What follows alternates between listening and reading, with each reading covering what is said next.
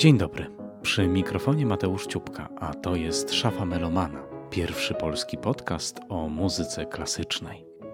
W szafie mieści się wiele rozmowy z artystami, organizatorami, badaczami, komentatorami życia muzycznego, odcinki solowe, nagrania live z udziałem słuchaczy, a nawet mini reportaże. Wspólnym mianownikiem dla tego wszystkiego jest muzyka, bo zajmuje się nią nie tylko z zamiłowania do sztuki dźwięku, ale także zawodowo. Pracuje w redakcji ruchu muzycznego, najstarszego polskiego magazynu o klasyce. Wszystkie odcinki podcastu znajdziecie na stronie szafamelomana.pl, na Spotify i innych popularnych platformach podcastowych. Jestem także na Facebooku i Instagramie. Wszędzie tam czekam na opinie, propozycje, komentarze. Można także śmiało korzystać z maila mateusz.ciupka małpa szafamelomana.pl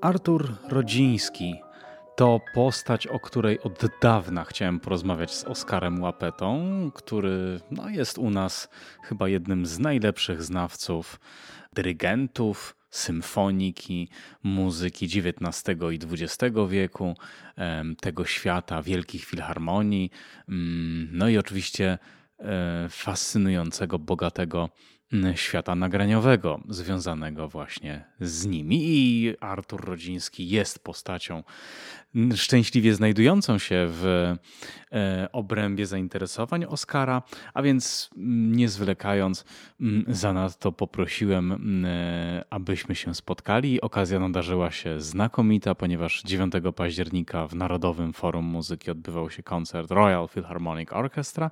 Jak to się łączy z Arturem Rodzińskim?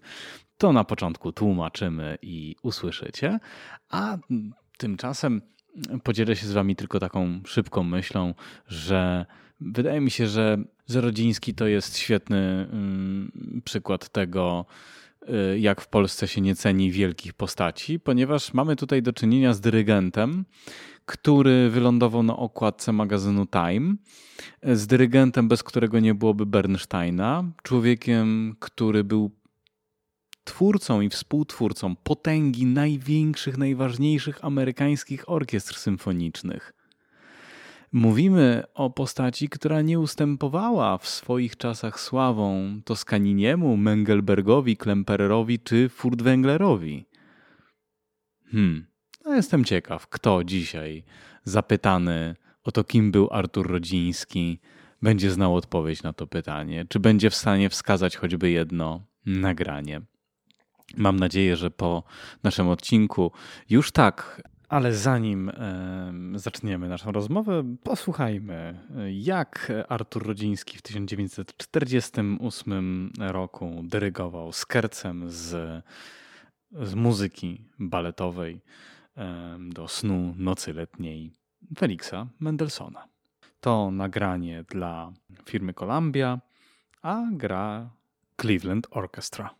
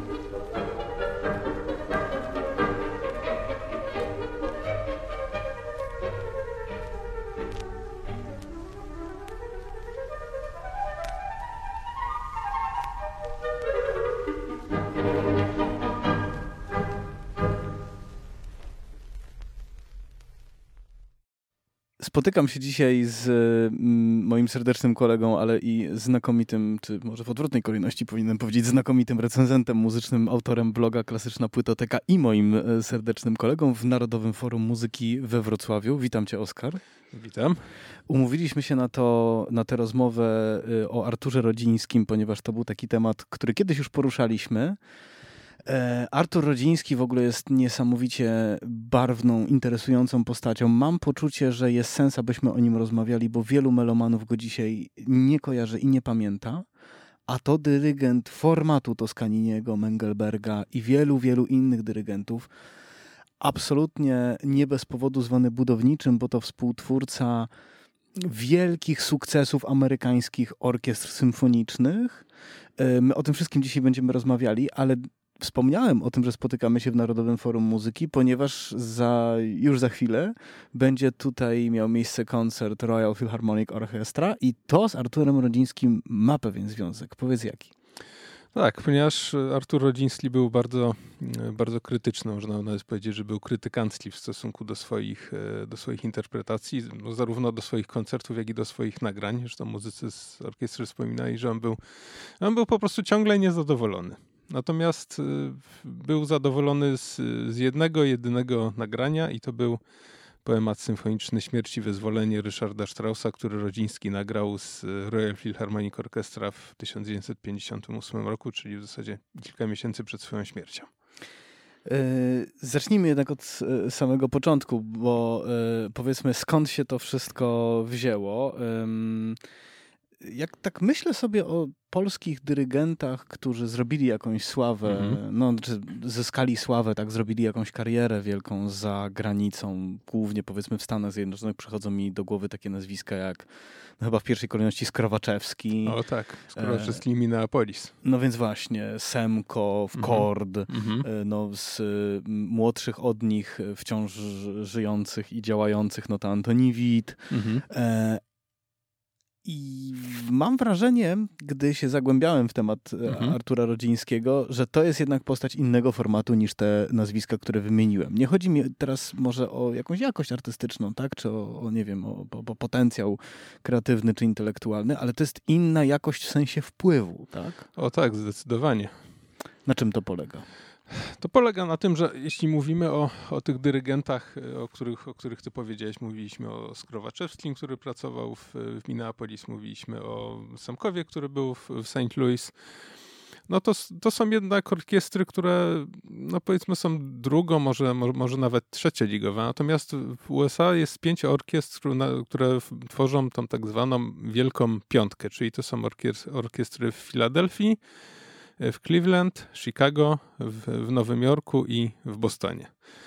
No i wyobraź sobie, że, że Rodziński mm, dyrygował czterema z, z, nich, natomiast był dyrektorem muzycznym trzech.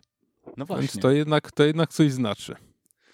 No właśnie, ale to yy, zacznijmy w ogóle od początku, jak to się stało, że on tam trafił, bo yy, ja mam takie poczucie, że kariera Rodzińskiego to jest przede wszystkim jakaś taka historia mm, wspaniałych dostrzeżeń tego, tak, tego tak, człowieka przez innych ludzi. Tak? To znaczy, on był świetnie wykształconym muzykiem, ale i prawnikiem. Mhm, tak, kształcił się w Wiedniu. E, dokładnie. W Lwowie zaczął dyrygować w operze. Tak. Bo zobaczył go Niewiadomski. Dzisiaj tak, już mniej znany tak, kompozytor. Tak, tak. Kom, no, jako kompozytor praktycznie w ogóle Niewiadomski jest zapomniany. Był też, był też bardzo konserwatywnym krytykiem. Był zresztą znany jako jeden z głównych, głównych krytyków Karola Szymanowskiego, ale... Chyba tak właśnie przetrwał tak, jakoś w tak. pamięci. Tak. Chociaż, prawdę mówiąc, pisał świetnie i myślę, że warto też wracać do jego tekstów właśnie ze względu, nie, nie tyle ze względu na walory Y, poglądowe Niewiadomskiego jako krytyka, ale ze względu na walory literackie. E, natomiast tak, y, Rodziński został, został dostrzeżony przez Niewiadomskiego. Pracował kilka lat w Lwowie, no i, i tam... Krótko, rok czy krótko, dwa mniej krótko. więcej. Tak. I tam został dostrzeżony przez Emila Młynarskiego, który był dyrektorem Opery Warszawskiej. No i tutaj mamy pierwszy, pierwszy przeskok, przeskok z Lwowa do, do Warszawy. No to i... był duży skok, no, tak. bo to był, stał się dyrektor, znaczy zaczął dyrygować w no, głównej operze, tak? W tak, czołowej operze w kraju. Mhm. mhm. W, w, Polsce, która dopiero co się odrodziła, bo zaczął tam pracę w 1920 roku, nie? Tak. No i te jego przedstawienia spotykały się z bardzo e, pozytywnymi recenzjami. Zresztą Rodziński był po prostu tytanem pracy i wszyscy wspominali, że on po prostu tam że zażynał orkiestrę, zażynał chór, zażynał śpiewaków. Nie zadowalał się byle czym. No i stało się tak, że na przedstawieniu śpiewaków norymberskich w roku bodajże 1924 zjawił się przebywający wtedy w Warszawie prywatnie Leopold Stokowski, który był dyrektorem e, orkiestry w Filadelfii. Z pochodzenia chyba również Polakiem, jeśli to, to jest skomplikowane. Tak, no, no, można powiedzieć, że on był w jednej, w, w jednej czwartej Polakiem. Okej. Okay. E, no, ale w, w każdym razie usłyszał Rodzińskiego, zachwycił się tym, jak, e, jak on dyryguje, uznał, że on jest urodzonym dyrygentem, no i z miejsca zaproponował mu posadę swojego asystenta w Filadelfii. Czyli mówimy tutaj o e, znowu dość dużym skoku, tak? tak bo powiedzmy, że ogromny. z peryferyjnej opery w Lwowie, no bo jednak ona była peryferyjna, oczywiście mhm. zapisała piękną kartę, tak? E, na, na, w dziejach polskiej, powiedzmy, sztuki operowej i w ogóle tego odradzania się, tak? Życia muzycznego po wojnie.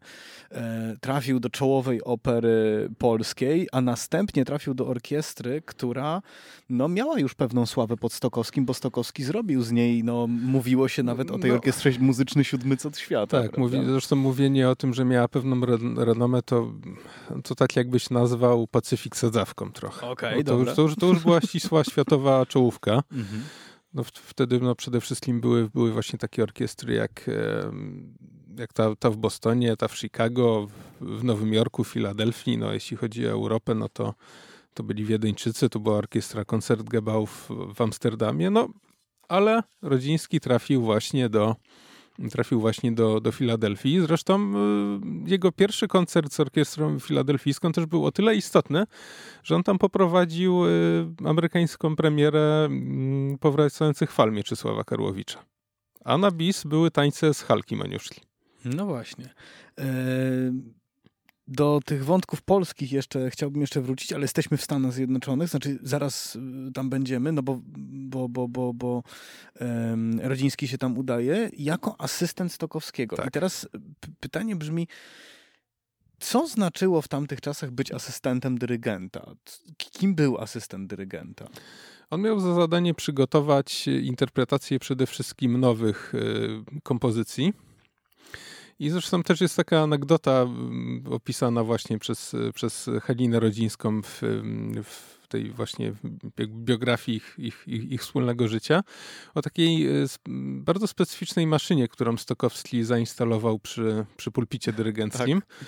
No i to, potwornej maszynie Tak, podobno. potwornej maszynie. O, to były, to były um, to były kolorowe światełka, no i w zależności od tego, tak, tak Stokowski siedział sobie na, na widowni, słuchał tego, jak Rodziński dyryguje orkiestrą, no i jeśli chciał, żeby, żeby Rodziński y, zwolnił, przyspieszył, podgłośnił orkiestrę albo przyciszył orkiestrę, to zapalał mu światełko odpowiedniego koloru. I Rodzińskiego to doprowadzało do szewskiej pasji, no bo on zdawał sobie sprawę, że jest yy, asystentem jednego z wielkich dyrygentów, ale też miał bardzo silną osobowość, był bardzo uzdolniony i też wydaje mi się, że miał poczucie własnej, własnej wartości.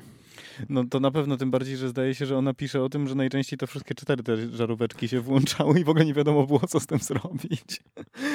Specyficzny system komunikacji. Ale jakim człowiekiem był jeszcze Stokowski? Jeszcze tak mm, spróbujmy nakreślić to, bo oczywiście wiemy już, że Rodziński był wymagający, był mhm. człowiekiem, który dociskał, tak? Był y, dyrygentem, który nie da, który, dla którego ta jakość była szalenie ważna i i już jako dyrygent cisnął ten warszawski zespół. Tak, prawda? Teraz trochę jakby tak. Z jednej strony awansuje, bo jedzie y, za granicę, tak? Ale, z drugiej strony trochę spada, bo, y, bo staje się asystentem mhm. i nie kieruje, nie ma takiej mocy decyzyjnej. A jakim człowiekiem był Stokowski? Y, czy tam były jakieś linie napięć? Czy, czy były, zdecydowanie było. To były, to były bardzo silne osobowości. Stokowski też był bardzo silną osobowością. Zresztą on kierował tym zespołem po, no, po dyktatorsku i po prostu też dyrygenci wtedy mieli zupełnie inny zakres kompetencji i po prostu jeśli Stokowski przychodził na próbę, był z czegoś niezadowolony, był niezadowolony z jakiegoś muzyka, no to taki człowiek lądował na bruku po prostu. Mhm. Tak. tak na, na bieżąco. Natomiast Stokowski też przede wszystkim no, dla nas to ma taką wartość anegdotyczną. No, tym muzykom to prawdopodobnie wtedy nie rujnowało życie. Natomiast dla nas, jako dla, dla ludzi, którzy żyją tam x, x lat później, no to znaczenie ma to, że Stokowski miał jednak bardzo takie otwarte podejście do repertuaru i uwielbiał wprowadzać do programów utwory współczesnych kompozytorów. I to jest coś, co Rodziński też od niego przejął. On był zawsze na bieżąco. No właśnie, bo y, to jest y, na przykład, kiedy sięgniemy po, y, my do tego jeszcze pewnie w tej rozmowie dojdziemy, ja teraz zrobię taki wybieg mhm. naprzód, że kiedy sięgniemy do e, zresztą recenzowanego na twoim blogu tego albumu nagrań z Nowojorską Filharmonią, którego dokonał e, właśnie Rodziński, e, tych nagrań dla mhm. Studia Columbia, to tam mamy właśnie do czynienia z zresztą bardzo przez ciebie chwalonym nagraniem piątej symfonii Prokofiewa. Tak. Które to nagranie my musimy sobie uświadomić, było nagraniem muzyki jak najbardziej współczesnej, o, tak, bo ono tak. chyba, to jest chyba drugie nagranie, które w ogóle w historii powstało, tak? Tego, tego dzieła po jego napisaniu. No, na, na pewno to jest takie nagranie, którego nadal prawda, w 2022 możemy, możemy słuchać i no, możemy się rozkoszować prawda, jakością gry tej orkiestry. No to też, to też jest tak zresztą, że no musimy mieć świadomość, że kiedyś te orkiestry jednak były, były trochę gorsze i na przykład powiedziałem przed chwilą o, o amsterdamskim Concertgebouw, że to była, że to była znakomita orkiestra. Natomiast y, Willem Mengelberg, który był tam dyrektorem muzycznym, nie był w stanie z niej wykonać Święta Wiosny, bo to notur był po prostu dla orkiestry za trudny. Odbyło się kilka, kilka prób i oni z tego zrezygnowali. Zresztą w Warszawie było było tak samo. Fittelberg nie był w stanie wykonać Święta Wiosny z tą, z tą orkiestrą. Filharmonii Warszawskiej. Dopiero zresztą Skrowaczewski w, w Polsce jako pierwszy poprowadził Święto Wiosny. Natomiast też jest nagranie e, samego Igora Strawińskiego z, z Nowojarczykami, właśnie, właśnie Święta Wiosny, no i oni tam po prostu grają byle jak. No można sobie tego posłuchać, ale no tak, wiesz, słuchasz i tutaj, tu w topa, tu ktoś coś źle policzył, tam, tam ktoś ma jakieś y, złe wejście. No tu jednak trzeba, trzeba było naprawdę bardzo mocno y, popracować nad, y, nad, nad tak trudnym i tak skomplikowanym utworem. I zresztą Rodziński mm, po raz pierwszy wykonał Święto Wiosny w Cleveland. No więc właśnie, bo teraz e, i teraz właśnie pojawia się ten, e, ten rodziński budowniczy, tak? Mhm. To znaczy właśnie człowiek, który, e, który mało powiedzieć, że wymagał dużo, dostał pierwszą tą swoją szansę samodzielną, tak? No bo mhm. jakby ze Stokowskim współpracował przez 3 lata, tak? Mniej więcej mhm. do 1929 tak, roku. wtedy odszedł do, do Los Angeles. I w Los Angeles dostaje pierwszy już samodzielny tak. angaż i zaczyna się właśnie ta kariera mm, e, rodzińskiego jako budowniczego, tak? Który... Tak, natomiast wiesz co, zanim sobie do, mhm. tego, do tego przejdziemy, to jest jeszcze kwestia tego, jak, e, znaczy dla nas w tym momencie jakby no kilkadziesiąt lat po, po śmierci Rodzińskiego to jest, to jest już e, mniej istotne, ale wtedy wtedy, zwłaszcza w Stanach Zjednoczonych, było bardzo ważne to, jak dyrygent się prezentuje. Bo tu nie chodziło tylko o, o to, że, że muzyka ma brzmieć, ale że prawda, ten dyrygent, który wychodzi do, do orkiestry, dyryguje, nią musi e, musi wyglądać w jakiś taki sposób, żeby też zwrócić na siebie uwagę publiczności. No i tutaj ten wpływ Stokowskiego też, też był bardzo, bardzo silny. Przede wszystkim, to już, tak, to już tak, tak zupełnie anegdotycznie, ale Stokowski miał taki bardzo specyficzny sposób układania fryzury i właśnie Rodziński to przejął od niego. E, Stokowski właśnie, właśnie bardzo szczegółowo instruował, jak, jak, jak on ma się czasać, żeby dobrze wyglądać na podium dyrygenckim. A po drugie, takie mnie oczywiste, Stokowski w, latach dwudziestych zupełnie mm, przez, przestał dyrygować z batutą. Dyrygował tylko, tylko za, pomocą, za pomocą dłoni i, i Rodziński też od niego przejął ten, ten styl dyrygowania. Zresztą jest taki mm, film Carnegie Hall, nie wiem, nie wiem czy, czy kojarzysz. Mhm. On był, był zrobiony jakoś pod koniec lat 40. i tam właśnie jest, są krótkie fragmenty, gdzie różni wykonawcy dyrygują, czy to dyrygują, czy, czy grają jakim, jakimiś fragmentami muzycznymi i jest właśnie Stokowski, który dyryguje piątą Czajkowskiego i jest zaraz potem Rodziński, który dyryguje piątą Beethovena. To oni wyglądają praktycznie identycznie, jeśli chodzi o sposób prowadzenia orkiestry, o gesty. No, podobieństwo jest uderzające. Czyli Rodziński się faktycznie sporo od Stokowskiego nauczył, szczególnie pod względem właśnie takiej prezencji, tak? E, Ale to jest interesujące, bo to po prostu pokazuje jakby, że, że, że, że dyrygent że dyrygent był gwiazdą tego formatu, że dla niego można było przyjść, prawda? Tak, tak, tak, tak. My dzisiaj mam wrażenie, y, już troszeczkę się, po, po, troszeczkę się proporcje przechyliły. Chyba częściej y, ludzie wybierają zespół, prawda? Mhm. I ewentualnie w drugiej kolejności... ewentualnie utwór. Tak, zespół, utwór i są ciekawi, a kto tym dyryguje, mhm. prawda? Myślę, że y, mam takie poczucie na przykład w dzisiejszych czasach, że wielu ludzi obeznanych z muzyką klasyczną wie, co to jest berlińska filharmonia, ale jakby ich zapytać, kto jest w tej chwili ich szefem, mm -hmm. I myślę, że jeszcze, że, że, że mogłoby się zdarzyć, że wielu by powiedziało jeszcze, że Rattle. Mimo, że od lat już nie tak, jest, tak, tak, tak. Bo on się jeszcze mhm. zaznaczał, tak? Ale, mhm. ale, ale, na przykład przecież, e, przecież e, Kirill Petrenko, który obecnie e, jest, jest tam szefem, nie jest postacią tak świetnie, mam wrażenie, w Polsce rozpoznawalną. No, wydaje mi się, że masz rację. No w każdym razie mam takie doświadczenie, bo gdy w Goethe Instytut były te transmisje mhm. berlińskiej Filharmonii, e, które jakoś tam dobieram, to takie pytanie dostałem po tym, jak skończyłem zapowiadać. Wydawało mi się to oczywiste, a ktoś z sali zapytał, Aha. ale kto tam dyryguje? Aha. No, przecież, no przecież ich szef, czyli kto? No, no, no czyli Kirył Pietrenko. Aha. A to nie ten z Royal Philharmonic? Nie, to jest Wasili Pietrenko. No tak jest. Okej. Okay. A to były figury. Natomiast, wiesz, wydaje mi się, że też ciekawym wątkiem jest to, że Stokowski i Rodziński mogli na podium zachowywać się bardzo podobnie. Zresztą no to, to był taki właśnie aspekt takiego showmeństwa, jakiego publiczność chyba wtedy oczekiwała. Natomiast ich style wykonawcze były kompletnie różne i tutaj trudno o bardziej y, odmiennych dyrygentów, no bo Stokowski należał do wielkich ekscentryków, był taki dyrygent, który robił z tymi wykonywanymi utworami w zasadzie co tylko mu przyszło do głowy. A Rodziński jednak należał do, do dyrygentów, którzy bardzo się trzymali zapisu partyturowego, którzy podążali wiernie za, za wskazówkami kompozytora.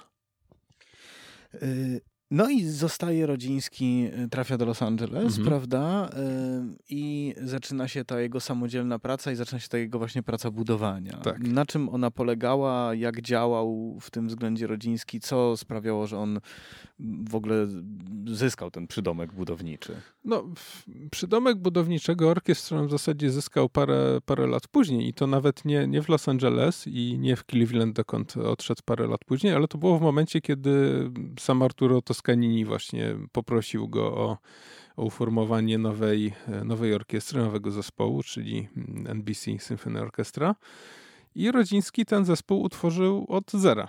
Znaczy ja on po prostu też no, prowadzi, był odpowiedzialny za dobór, za dobór muzyków, za, za, za, szkolenie tych muzyków, za dobór repertuaru i tak dalej, i tak dalej. Natomiast myślę, że, że to określenie budowniczy orkiestr jest no, z jednej strony no, jest trafne, z drugiej strony ja nie wiem, czy ono nie jest jednak takie trochę, trochę deprecjonujące, no bo tutaj jakby no, wydaje mi się, że mówimy wtedy o dyrygencie, jakby był tylko takim technikiem i jakbyśmy odrzucali tą całą stronę interpretacyjną, a to jednak no, myślę, że, że nie powinniśmy się ograniczać do myślenia o rodzińskim tylko w tych, w tych kategoriach. No absolutnie tak, ale myślę, że tu się na to też mogło złożyć e, takie... Mm, no, działanie porządkujące, które on prowadził, prawda? No przecież tak, on został y, na przykład szefem Nowojorczyków w 1943 roku. E, to był czas wojny. Orkiestra, tak. tak. jak sam już powiedziałeś, poziom orkiestr był wówczas inny niż dziś mhm. jest, oczywiście. Natomiast tam jeszcze dodatkowym problemem był fakt, że część muzyków trafiła na front. Tak. E, zwyczajnie i mm, z tego co wiem, rodziński, dla Rodzińskiego bardzo ważny był skład zespołu mhm. i od tego się w Nowym Jorku zaczęło. Znaczy, zaczęło się od awantury, prawda? On ledwo przyszedł i od razu chciał zwolnić 15 muzyków, poszedł przeciek do prasy i... No tak. tak. Zresztą ta sprawa była z Toskaninim debat, dyskutowana. Tak, to... tak, tak. On z Toskaninim to, to, to konsultował i Toskaninim mu doradzał, żeby tak wymieniał po, po kolei. Po, tak, po kolei. Tutaj dwóch, tutaj trzech, tu jednego. I żeby to robił, żeby to robił pomału. Natomiast Rodziński jakby no, był perfekcjonistą i uwielbiał stawiać na swoim i to jakby tak, no nie, myślę, że nie za bardzo się liczył z, z konsekwencjami i po prostu też ten przeciek do prasy zresztą był, y, był kontrolowany. To Artur no, tak. Judson był za niego odpowiedzialny, który no w pewnym momencie stał się już takim otwartym wrodziem e, Rodzińskiego. No i niestety Rodzińskiemu to po prostu przysporzyło ogromnych kłopotów wizerunkowych. No, wyjaśnijmy tylko, że mówimy tutaj o jednym z najbardziej wpływowych amerykańskich tak. menadżerów, tak. prawda, który no y, też może w odróżnieniu od dzisiejszych czasów, może warto wiedzieć, że to, to był y, w każdym razie w Polsce na pewno, to był y, menadżer, który serio mógł zadecydować tak. o tym, kto zostanie dyrektorem gdzie, a przez jaki będzie los danej orkiestry. No, ale prawda? też właśnie... No, jak... On załatwił Barbie Rollemu później tak. karierę z Nowojorczykami. No, ale on też, on też właśnie potrafił niszczyć kariery. On też Klempererowi zniszczył karierę w, w USA. Właśnie dlatego, że się nie zgadzali pod względem repertuarowym. No i po prostu no, użył swoich wpływów, że po prostu no, żeby, żeby mu zaszkodzić. Natomiast też wydaje mi się, że tutaj warto wspomnieć o tym, że Judson miał też agencję impresaryjną i on na przykład no, narzucał Rodzińskiemu solistów. Tak, Rodziński, ale tak. Rodziński należał przy, przez pewien czas chyba do, do, jakby do stajni, tak? Jego, no, no, tak, to... ale, ale odszedł, no i to też no mu miał Judson za, za złe. No, oczywiście. Więc no to była taka sytuacja zupełnie patologiczna i jakby no patrząc na to tak bardzo zdroworozsądkowo, to oczekiwania Rodzińskiego co do tego, jakie on, jakie on jako dyrektor artystyczny powinien mieć kompetencje, były bardzo zdroworozsądkowe, ale też no jakby on nie miał żadnego talentu dyplomatycznego, żeby, żeby po prostu przeprowadzić te, te swoje reformy. No właśnie, bo y, teraz mm, idzie trochę ciemniejszy czas w jego karierze. Myśmy, myśmy już opisali ten, ten pochód taki w zasadzie tak od, od jednej do, do, do drugiej wielkiej orkiestry e, i tą ostatnią wielką orkiestrą, z którą on pracuje tak na stałe jest orkiestra w Chicago. Tak. I co się dzieje potem? Naraz przestaje być szefem. Znaczy wiesz, on po prostu dostał łatkę ze względu na, na, no bo tak, no bo musimy, musimy sobie zdać sprawę, że jego odejście, on, on po prostu już w pewnym momencie nie miał wyjścia i on wiedział, że jeśli on nie złoży rezygnacji najpierw, to zostanie wyrzucony z, z Nowego Jorku, więc y, złożył, złożył rezygnację. Zresztą to, ta sprawa była bardzo, bardzo głośna. Mm, i w zasadzie całe środowisko muzyczne się opowiedziało za Rodzińskim, o czym teraz też jakoś tak za bardzo się chyba nie pamięta.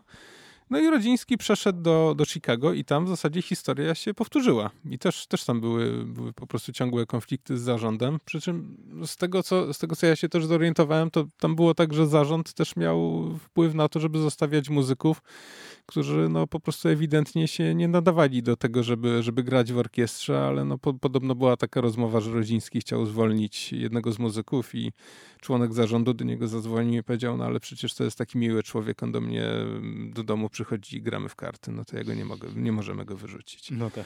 no i skończyło się jeszcze większym skandalem, ponieważ Rodziński został wyrzucony w środku pierwszego sezonu artystycznego. No to jest, to jest wyjątkowa rzecz. I to w zasadzie no, to, to mu po prostu złamało karierę w tym mm. momencie. No i, no i z Chicago jeszcze jest przez moment, tak, tylko przez rok i w zasadzie później nie jest już związany no, przez, na stałe. Przez, przez, przez, przez pół roku w zasadzie. Przez, pół, roku, przez pół, tak. pół, z tego swojego pierwszego sezonu. Chociaż pod względem artystycznym, no to jego koncerty tam były, były, były rewelacyjne, były bardzo wysoko oceniane.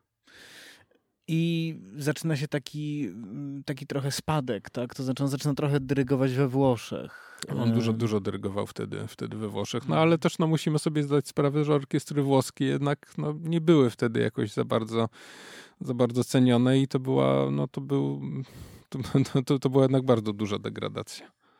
Być może cała ta historia, o której tutaj mówimy, tego konfliktu i tego upadku wpłynęła też silnie na jego zdrowie, bo w 49 albo w 50 roku chyba przyszedł pierwszy zawał. Tak, tak, tak. On już od... pod I od tego czasu zaczęły się już takie kłopoty ciągnące się, tak? No tak, i pod no już właściwie te lata 50., no to on może artystycznie miał, miał jeszcze wielkie, wielkie osiągnięcia, no ale już jeśli chodzi o taki ogólny jego stan, stan zdrowia, to był po prostu cieniem, cieniem dawnego, dawnego Rodzińskiego.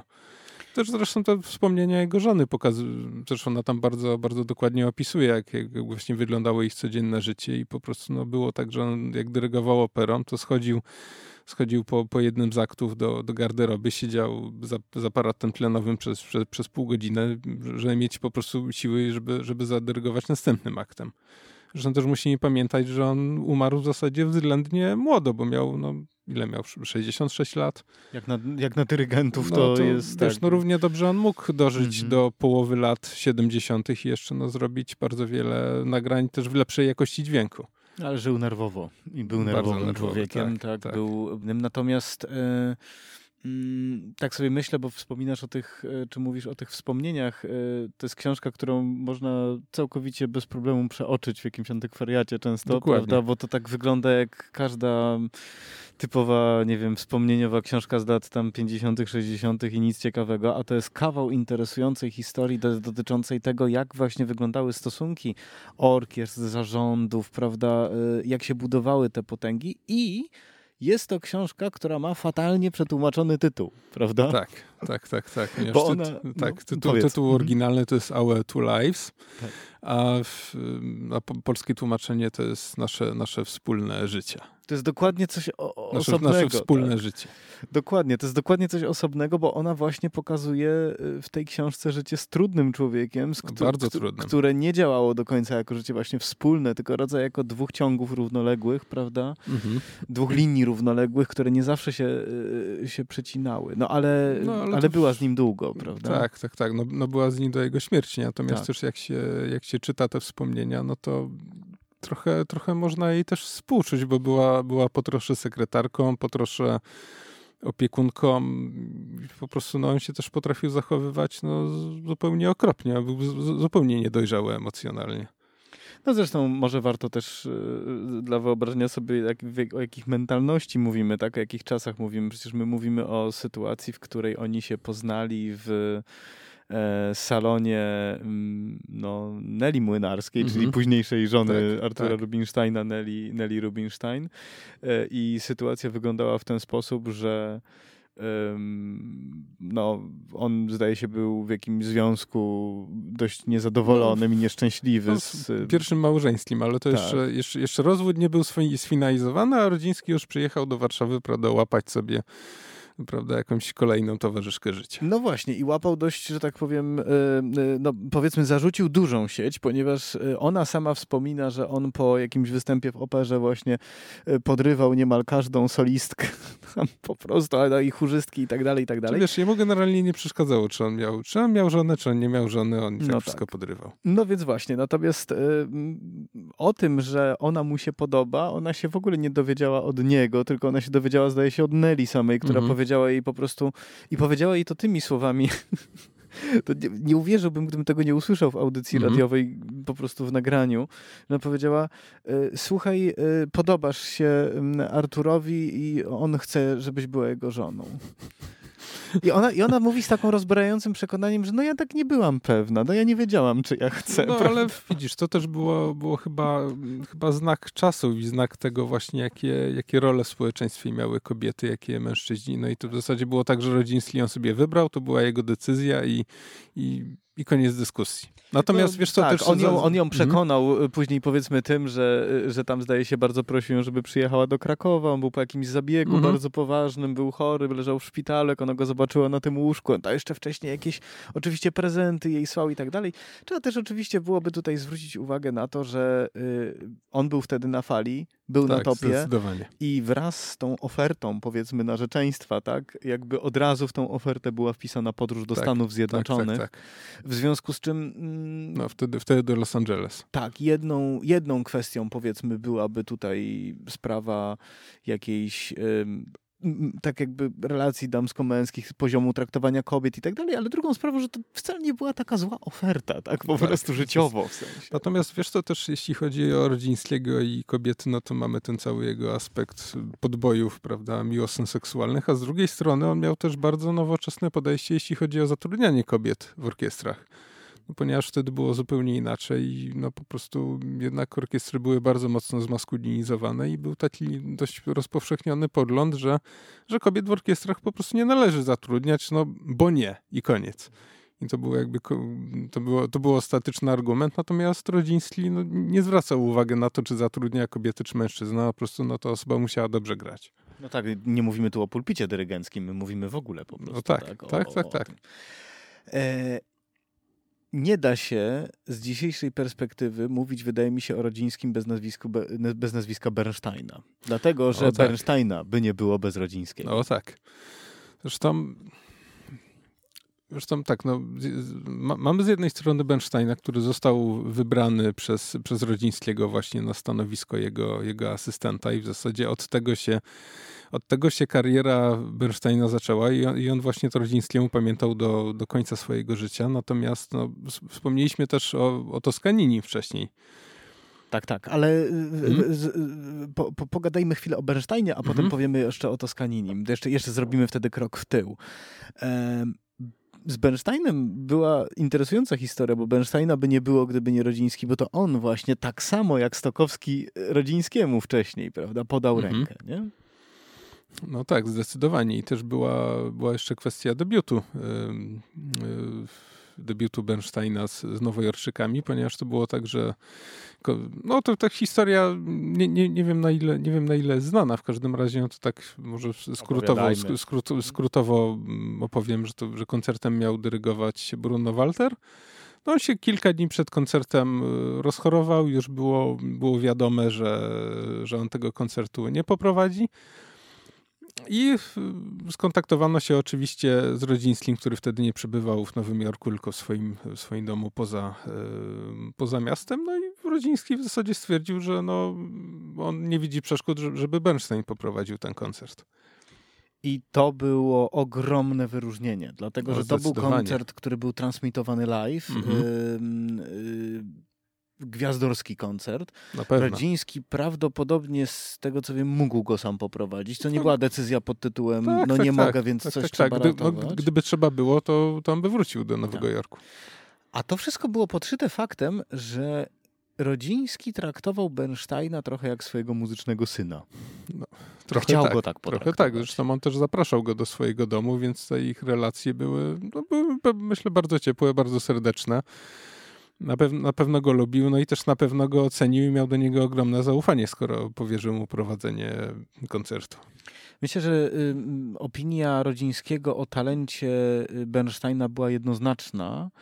Bardzo ciekawe jest to zdjęcie z ich, e, z posiadłości rodzińskiego, gdzie oni stoją w dwójkę, bo to jest, no nie jest to zdjęcie Bernsteina, do którego byliśmy, byliśmy przyzwyczajeni. No zazwyczaj widać, że Bernstein jest bardzo pewnym siebie człowiekiem mm -hmm. i mhm. gwiazdą. Na większości zdjęć jest to wyraźnie widoczne, a tu mamy dokładnie odwrotną sytuację, bo mamy wielkiego rodzińskiego, nawet w sensie wzrostu, bo to był kawał mm -hmm. chłopa.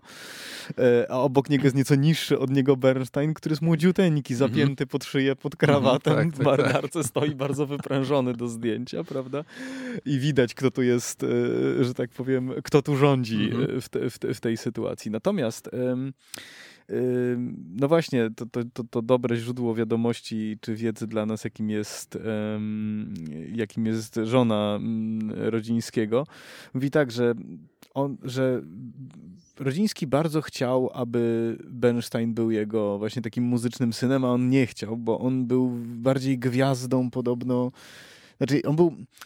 Y, on działał trochę na tej zasadzie, że był gwiazdą niezależnie od zajmowanego stanowiska i jeszcze nią nie -hmm. był w sensie dosłownym, ale już się tak zachowywał. No Bardzo grał na siebie. Kwestia charakteru. Tak. I między nimi wcześniej czy później oczywiście musiało dojść do konfliktu i doszło.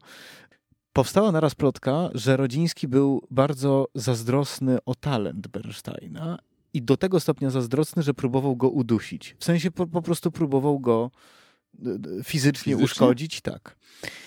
Um, historia powstała z czego? Z tego, że gdy mm, Bernstein był już na fali i już dyrygował Nowojorczykami, mm, został y, przygotowany materiał dziennikarski o nim, który miał pokazać mnóstwo jego, powiedzmy, prywatnych stron życia. Mhm. Nagrywane to było, jak twierdził Bernstein, po grubszej whisky.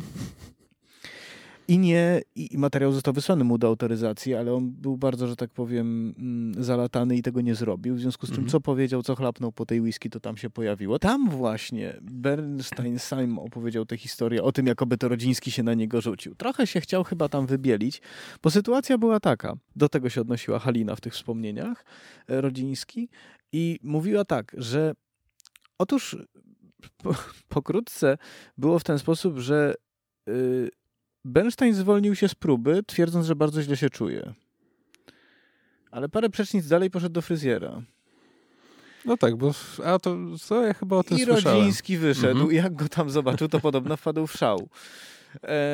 bo był człowiekiem bardzo obowiązkowym i bardzo takim, -hmm. jak sam powiedziałeś, bardzo pedantycznym, bardzo poukładanym i tak dalej. I tego typu niesubordynacja podziałała na niego jak płachta na byka.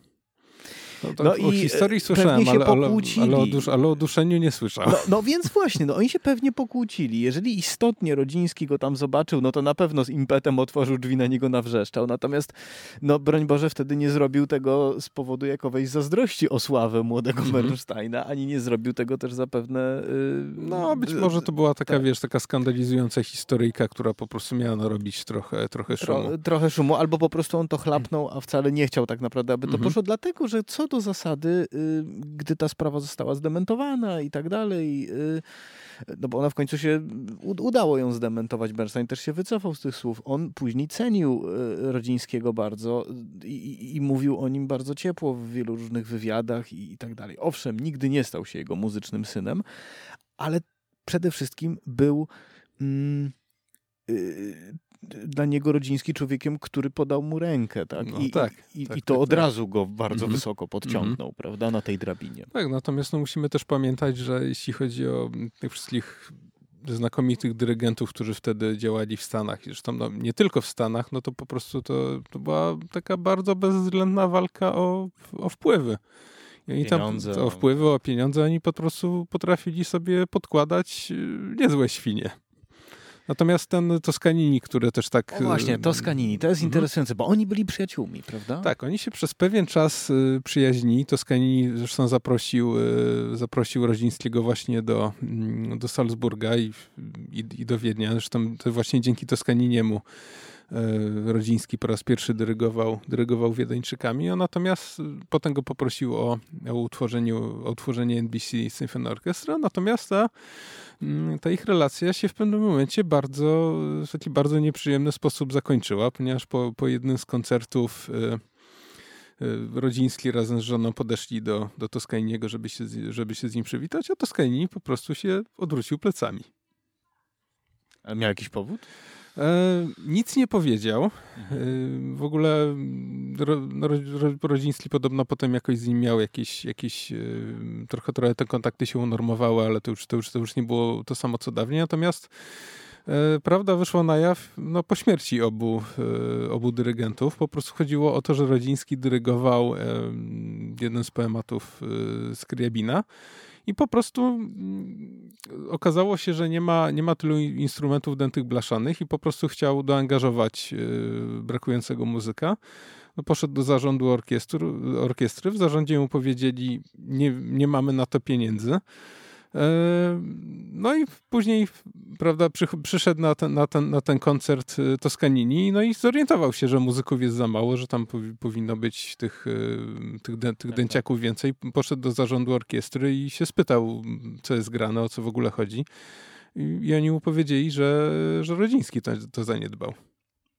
Więc jakby a, no, napuścili ich na siebie. Tak, siebie wybielili, a, a zrzucili winę na dyrygenta. No tak, tak, tak, no tak. Właśnie, tak. Że E, mimo że zawalili sprawę. No skoro jeden, jeden wielki przód i drugi wielki przód, to czuli, że zawalili sprawę. Tak. No to jest, no to są właśnie te zakulisowe rozgrywki. No tak, zresztą które... też y, no, dużo tych zakulisowych rozgrywek też opisuje Halina Rodzińska tak, właśnie, że, że na przykład kopalnia, że George tak. Zell właśnie w tych ostatnich latach y, Rodzińskiego właśnie nie chciał go zaprosić do dyrygowania orkiestrą w Cleveland, bo rzekomo Rodziński zażądał zbyt wysokiego honorarium.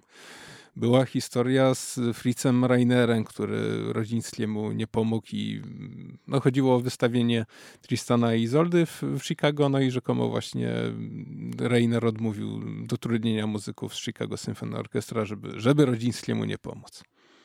Więc ja ciekaw jestem w zasadzie też na ile te, te opowieści są prawdziwe i no tu, bo na razie to mamy tylko, z jednej strony mamy tylko słowo Haliny Rodzińskiej, ale myślę, że też ciekawie było odnaleźć jakieś, jakieś dokumenty i to tak no bardziej źródłowo osadzić. No bo nie mamy chyba biografii Rodzińskiego. Nie, nie mamy, prawda? Nie tylko mamy. z tych w zasadzie takie no niekompletny tak opis życia, ale czerpiemy go właśnie z tych wspomnień. No ale oczywiście z jakichś tam notek prasowych, prawda, i innych tak, tego tak, typu tak. źródeł, ale Myślę, nie... Myślę, że, że ty, to notatki prasowe, gdyby, gdyby je zgromadzić, przejść. Zresztą ja podejrzewam, że syn Rodzińskiego też miał dużo tych Richard notatek. Rodziński. Tak, tak, tak. Mhm. Natomiast no, brakuje nam rzeczywiście takiej kompletnej... Yy, takiej bardzo, bardziej, bardziej rzeczowej y, biografii Rodzińskiego, no bo książka Haliny Rodzińskiej jednak jest pisana też z, no, z siłą rzeczy ona jest stronnicza, jest, ta narracja jest momentami bardzo, bardzo emocjonalna. No tak i są to wspomnienia, tak, co tak, do zasady, tak. a, nie, a nie, nie praca no, badawcza. No, pamięć też wiadomo, też bywa, bywa trochę zawodna. zawodna Natomiast oczywiście. wiesz co, mnie się wydaje, że z Rodzińskim też jest y, taki problem, że on wyjechał do Stanów na na dość wczesnym etapie swojej kariery, więc on jakby nie zdążył się tutaj w Polsce osadzić. W zasadzie no jego ostatni y, koncert w Warszawie to był bodajże 1934 rok i on już się tutaj w ogóle w Polsce nie pokazał. Więc Mimo, jakby... że próbowano z niego zrobić dyrektora Opery Narodowej po no wojnie, tak, prawda? tak, tak, ale, to, ale to było już pod koniec jego życia i w zasadzie... Tak, w 1958 no, roku, wtedy tak, w roku, tak, w którym tak. zmarł. Więc wiesz, z jednej strony Rodziński trochę nie jest nasz, no mhm. bo wyjechał stąd jak był, jak był bardzo młody i już w zasadzie nie wrócił. Z drugiej strony w Ameryce on był uznawany właśnie za dyrygenta polskiego, więc no on też jakby no, nie był ich. Tak. Więc Rodziński jest takim trochę taką postacią niczyją, niestety. No, obywatel świata, patrząc z drugiej perspektywy. No tak. Ale to zdecydowanie, e, ponieważ tutaj się rodziła cała jego kariera i tak dalej, no to, e, to jesteśmy mu winni pamięć. Ale też no właśnie, i teraz y, y, może nawet nie za to, skąd pochodził i gdzie się urodził, tylko za to, co on dokonał w sensie interpretacyjnym i nagraniowym. Dlatego, że no, tak od tego zaczęliśmy naszą rozmowę mhm. i może właśnie na tym, y, na tym wątku ją będziemy kończyli. A last but not least to nie jest nazwisko, które wielu melomanom zapadło w pamięć, tak jak nazwisko Toscaniniego właśnie i, i, i nie wiem, właśnie o czy choćby Bruno Waltera, czy Mengelberga, czy Klemperera, Ford i tak dalej, a wiele te nagrania mają do zaoferowania. On zresztą nagrał też dużo i ten, ten box 16-płytowy, który został wydany niedawno, który recenzowałeś mhm. u siebie, on już pokazuje nam, jak wiele interesujących materiałów tam jest. Tak, natomiast jest też box wydany przez y, firmę Scribendum. On zresztą został wydany jeszcze przed tym boxem y, w Chicago i tam tego materiału jest, y, jest zdecydowanie więcej, bo tam jest, tam jest 20 płyt. Natomiast, wiesz co, jak sobie omawiamy tą dyskografię Rodzińskiego, no to ona niestety też nie jest reprezentacyjna. Ona też nie pokazuje jakby w pełni tego jego repertuaru. No bo on, wi wiadomo, on, to są takie nagrania oficjalne, dokonywane dla dużych firm fonograficznych, no a dla dużych firm fonograficznych liczy się zysk, więc on nagrywał tam głównie, ale nie tylko, te utwory, które, które, co do których było wiadomo, że się dobrze sprzedadzą. Jakaś symfonia Brahmsa, tu jakiś Beethoven, tu jakiś, tu jakiś Czajkowski. Wiesz, nikogo nie interesowało wtedy za bardzo nagrywanie kompozytorów takich jak Mahler, jak, jak, jak Stravinsky, Hindemith, Van Williams. On to wszystko robił. Tak, tak, on to wszystko robił. On, no, zresztą no, jako dyrygent, właśnie jako, jako szef Nowojorczyków, on tam bardzo yy, wprowadził bardzo dużą ilość nowych, nowych utworów. On dyrygował na przykład prewykonanie metamorfoz symfonicznych Hindemita. Powiedz, yy, jaki był? Jaki jest styl tych interpretacji? Co najbardziej cenisz w tej, no, w tym, co znasz, tak? w tym, co mamy, prawda, urodzińskiego? Do czego byś odesłał słuchaczy na zasadzie jak rodziński, jak, jeśli rodziński, to koniecznie posłuchajcie tego lub tamtego. Wiesz co, to jest taki, to jest można powiedzieć taki bezpieczny typ dyrygenta. E, ponieważ, y, ponieważ on się, z, z, znaczy tak, to był taki typ, to był taki typ dyrygenta takiego bardzo zdyscyplinowanego. Te jego interpretacje są właśnie zawsze takie bardzo, można powiedzieć, bardzo płynące że tam jest jakby czuć, że ta muzyka jest tak prowadzona tak y, pewnie, z rozmachem, ale też z poszanowaniem stylu danego kompozytora. Że to nie jest tak, że Rodziński nagle zacznie coś, coś wydziwiać, gdzieś po prostu wprowadzi jakieś dziwaczne tempa no, można by się przyczepić, że, że, że to jest tylko, tylko odgrywanie nut, ale jak, sobie, ale jak sobie tego posłuchamy, no to tam jest jednak też dużo więcej, dużo więcej energii, dużo więcej, dużo więcej za, zaangażowania, dużo więcej e, atencji, w, jeśli chodzi o wydobywanie różnych, róż, różnych szczególików.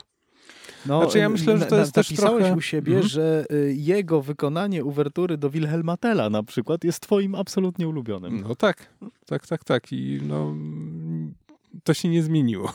Ciekawe są te rzeczy, które ci się podobały na tym 16-płytowym mhm. Możesz e, przypomnieć, bo już nie pamiętam. Wiesz? E, no, no to, to ci mówię, to co wyróżniłeś i co napisałeś, mhm. że, że jest najlepsze, to piąta um, symfonia Prokofiewa, druga symfonia Brahmsa, ten um, Podobał ci się cały ten e, krążek e, francuski z suitą mhm. francuską, z pierwszą symfonią Cedur, e, suitą francuską Dariusa Milo, a pierwszą symfonią Cedur mm, Georgesa Bizet. Mhm.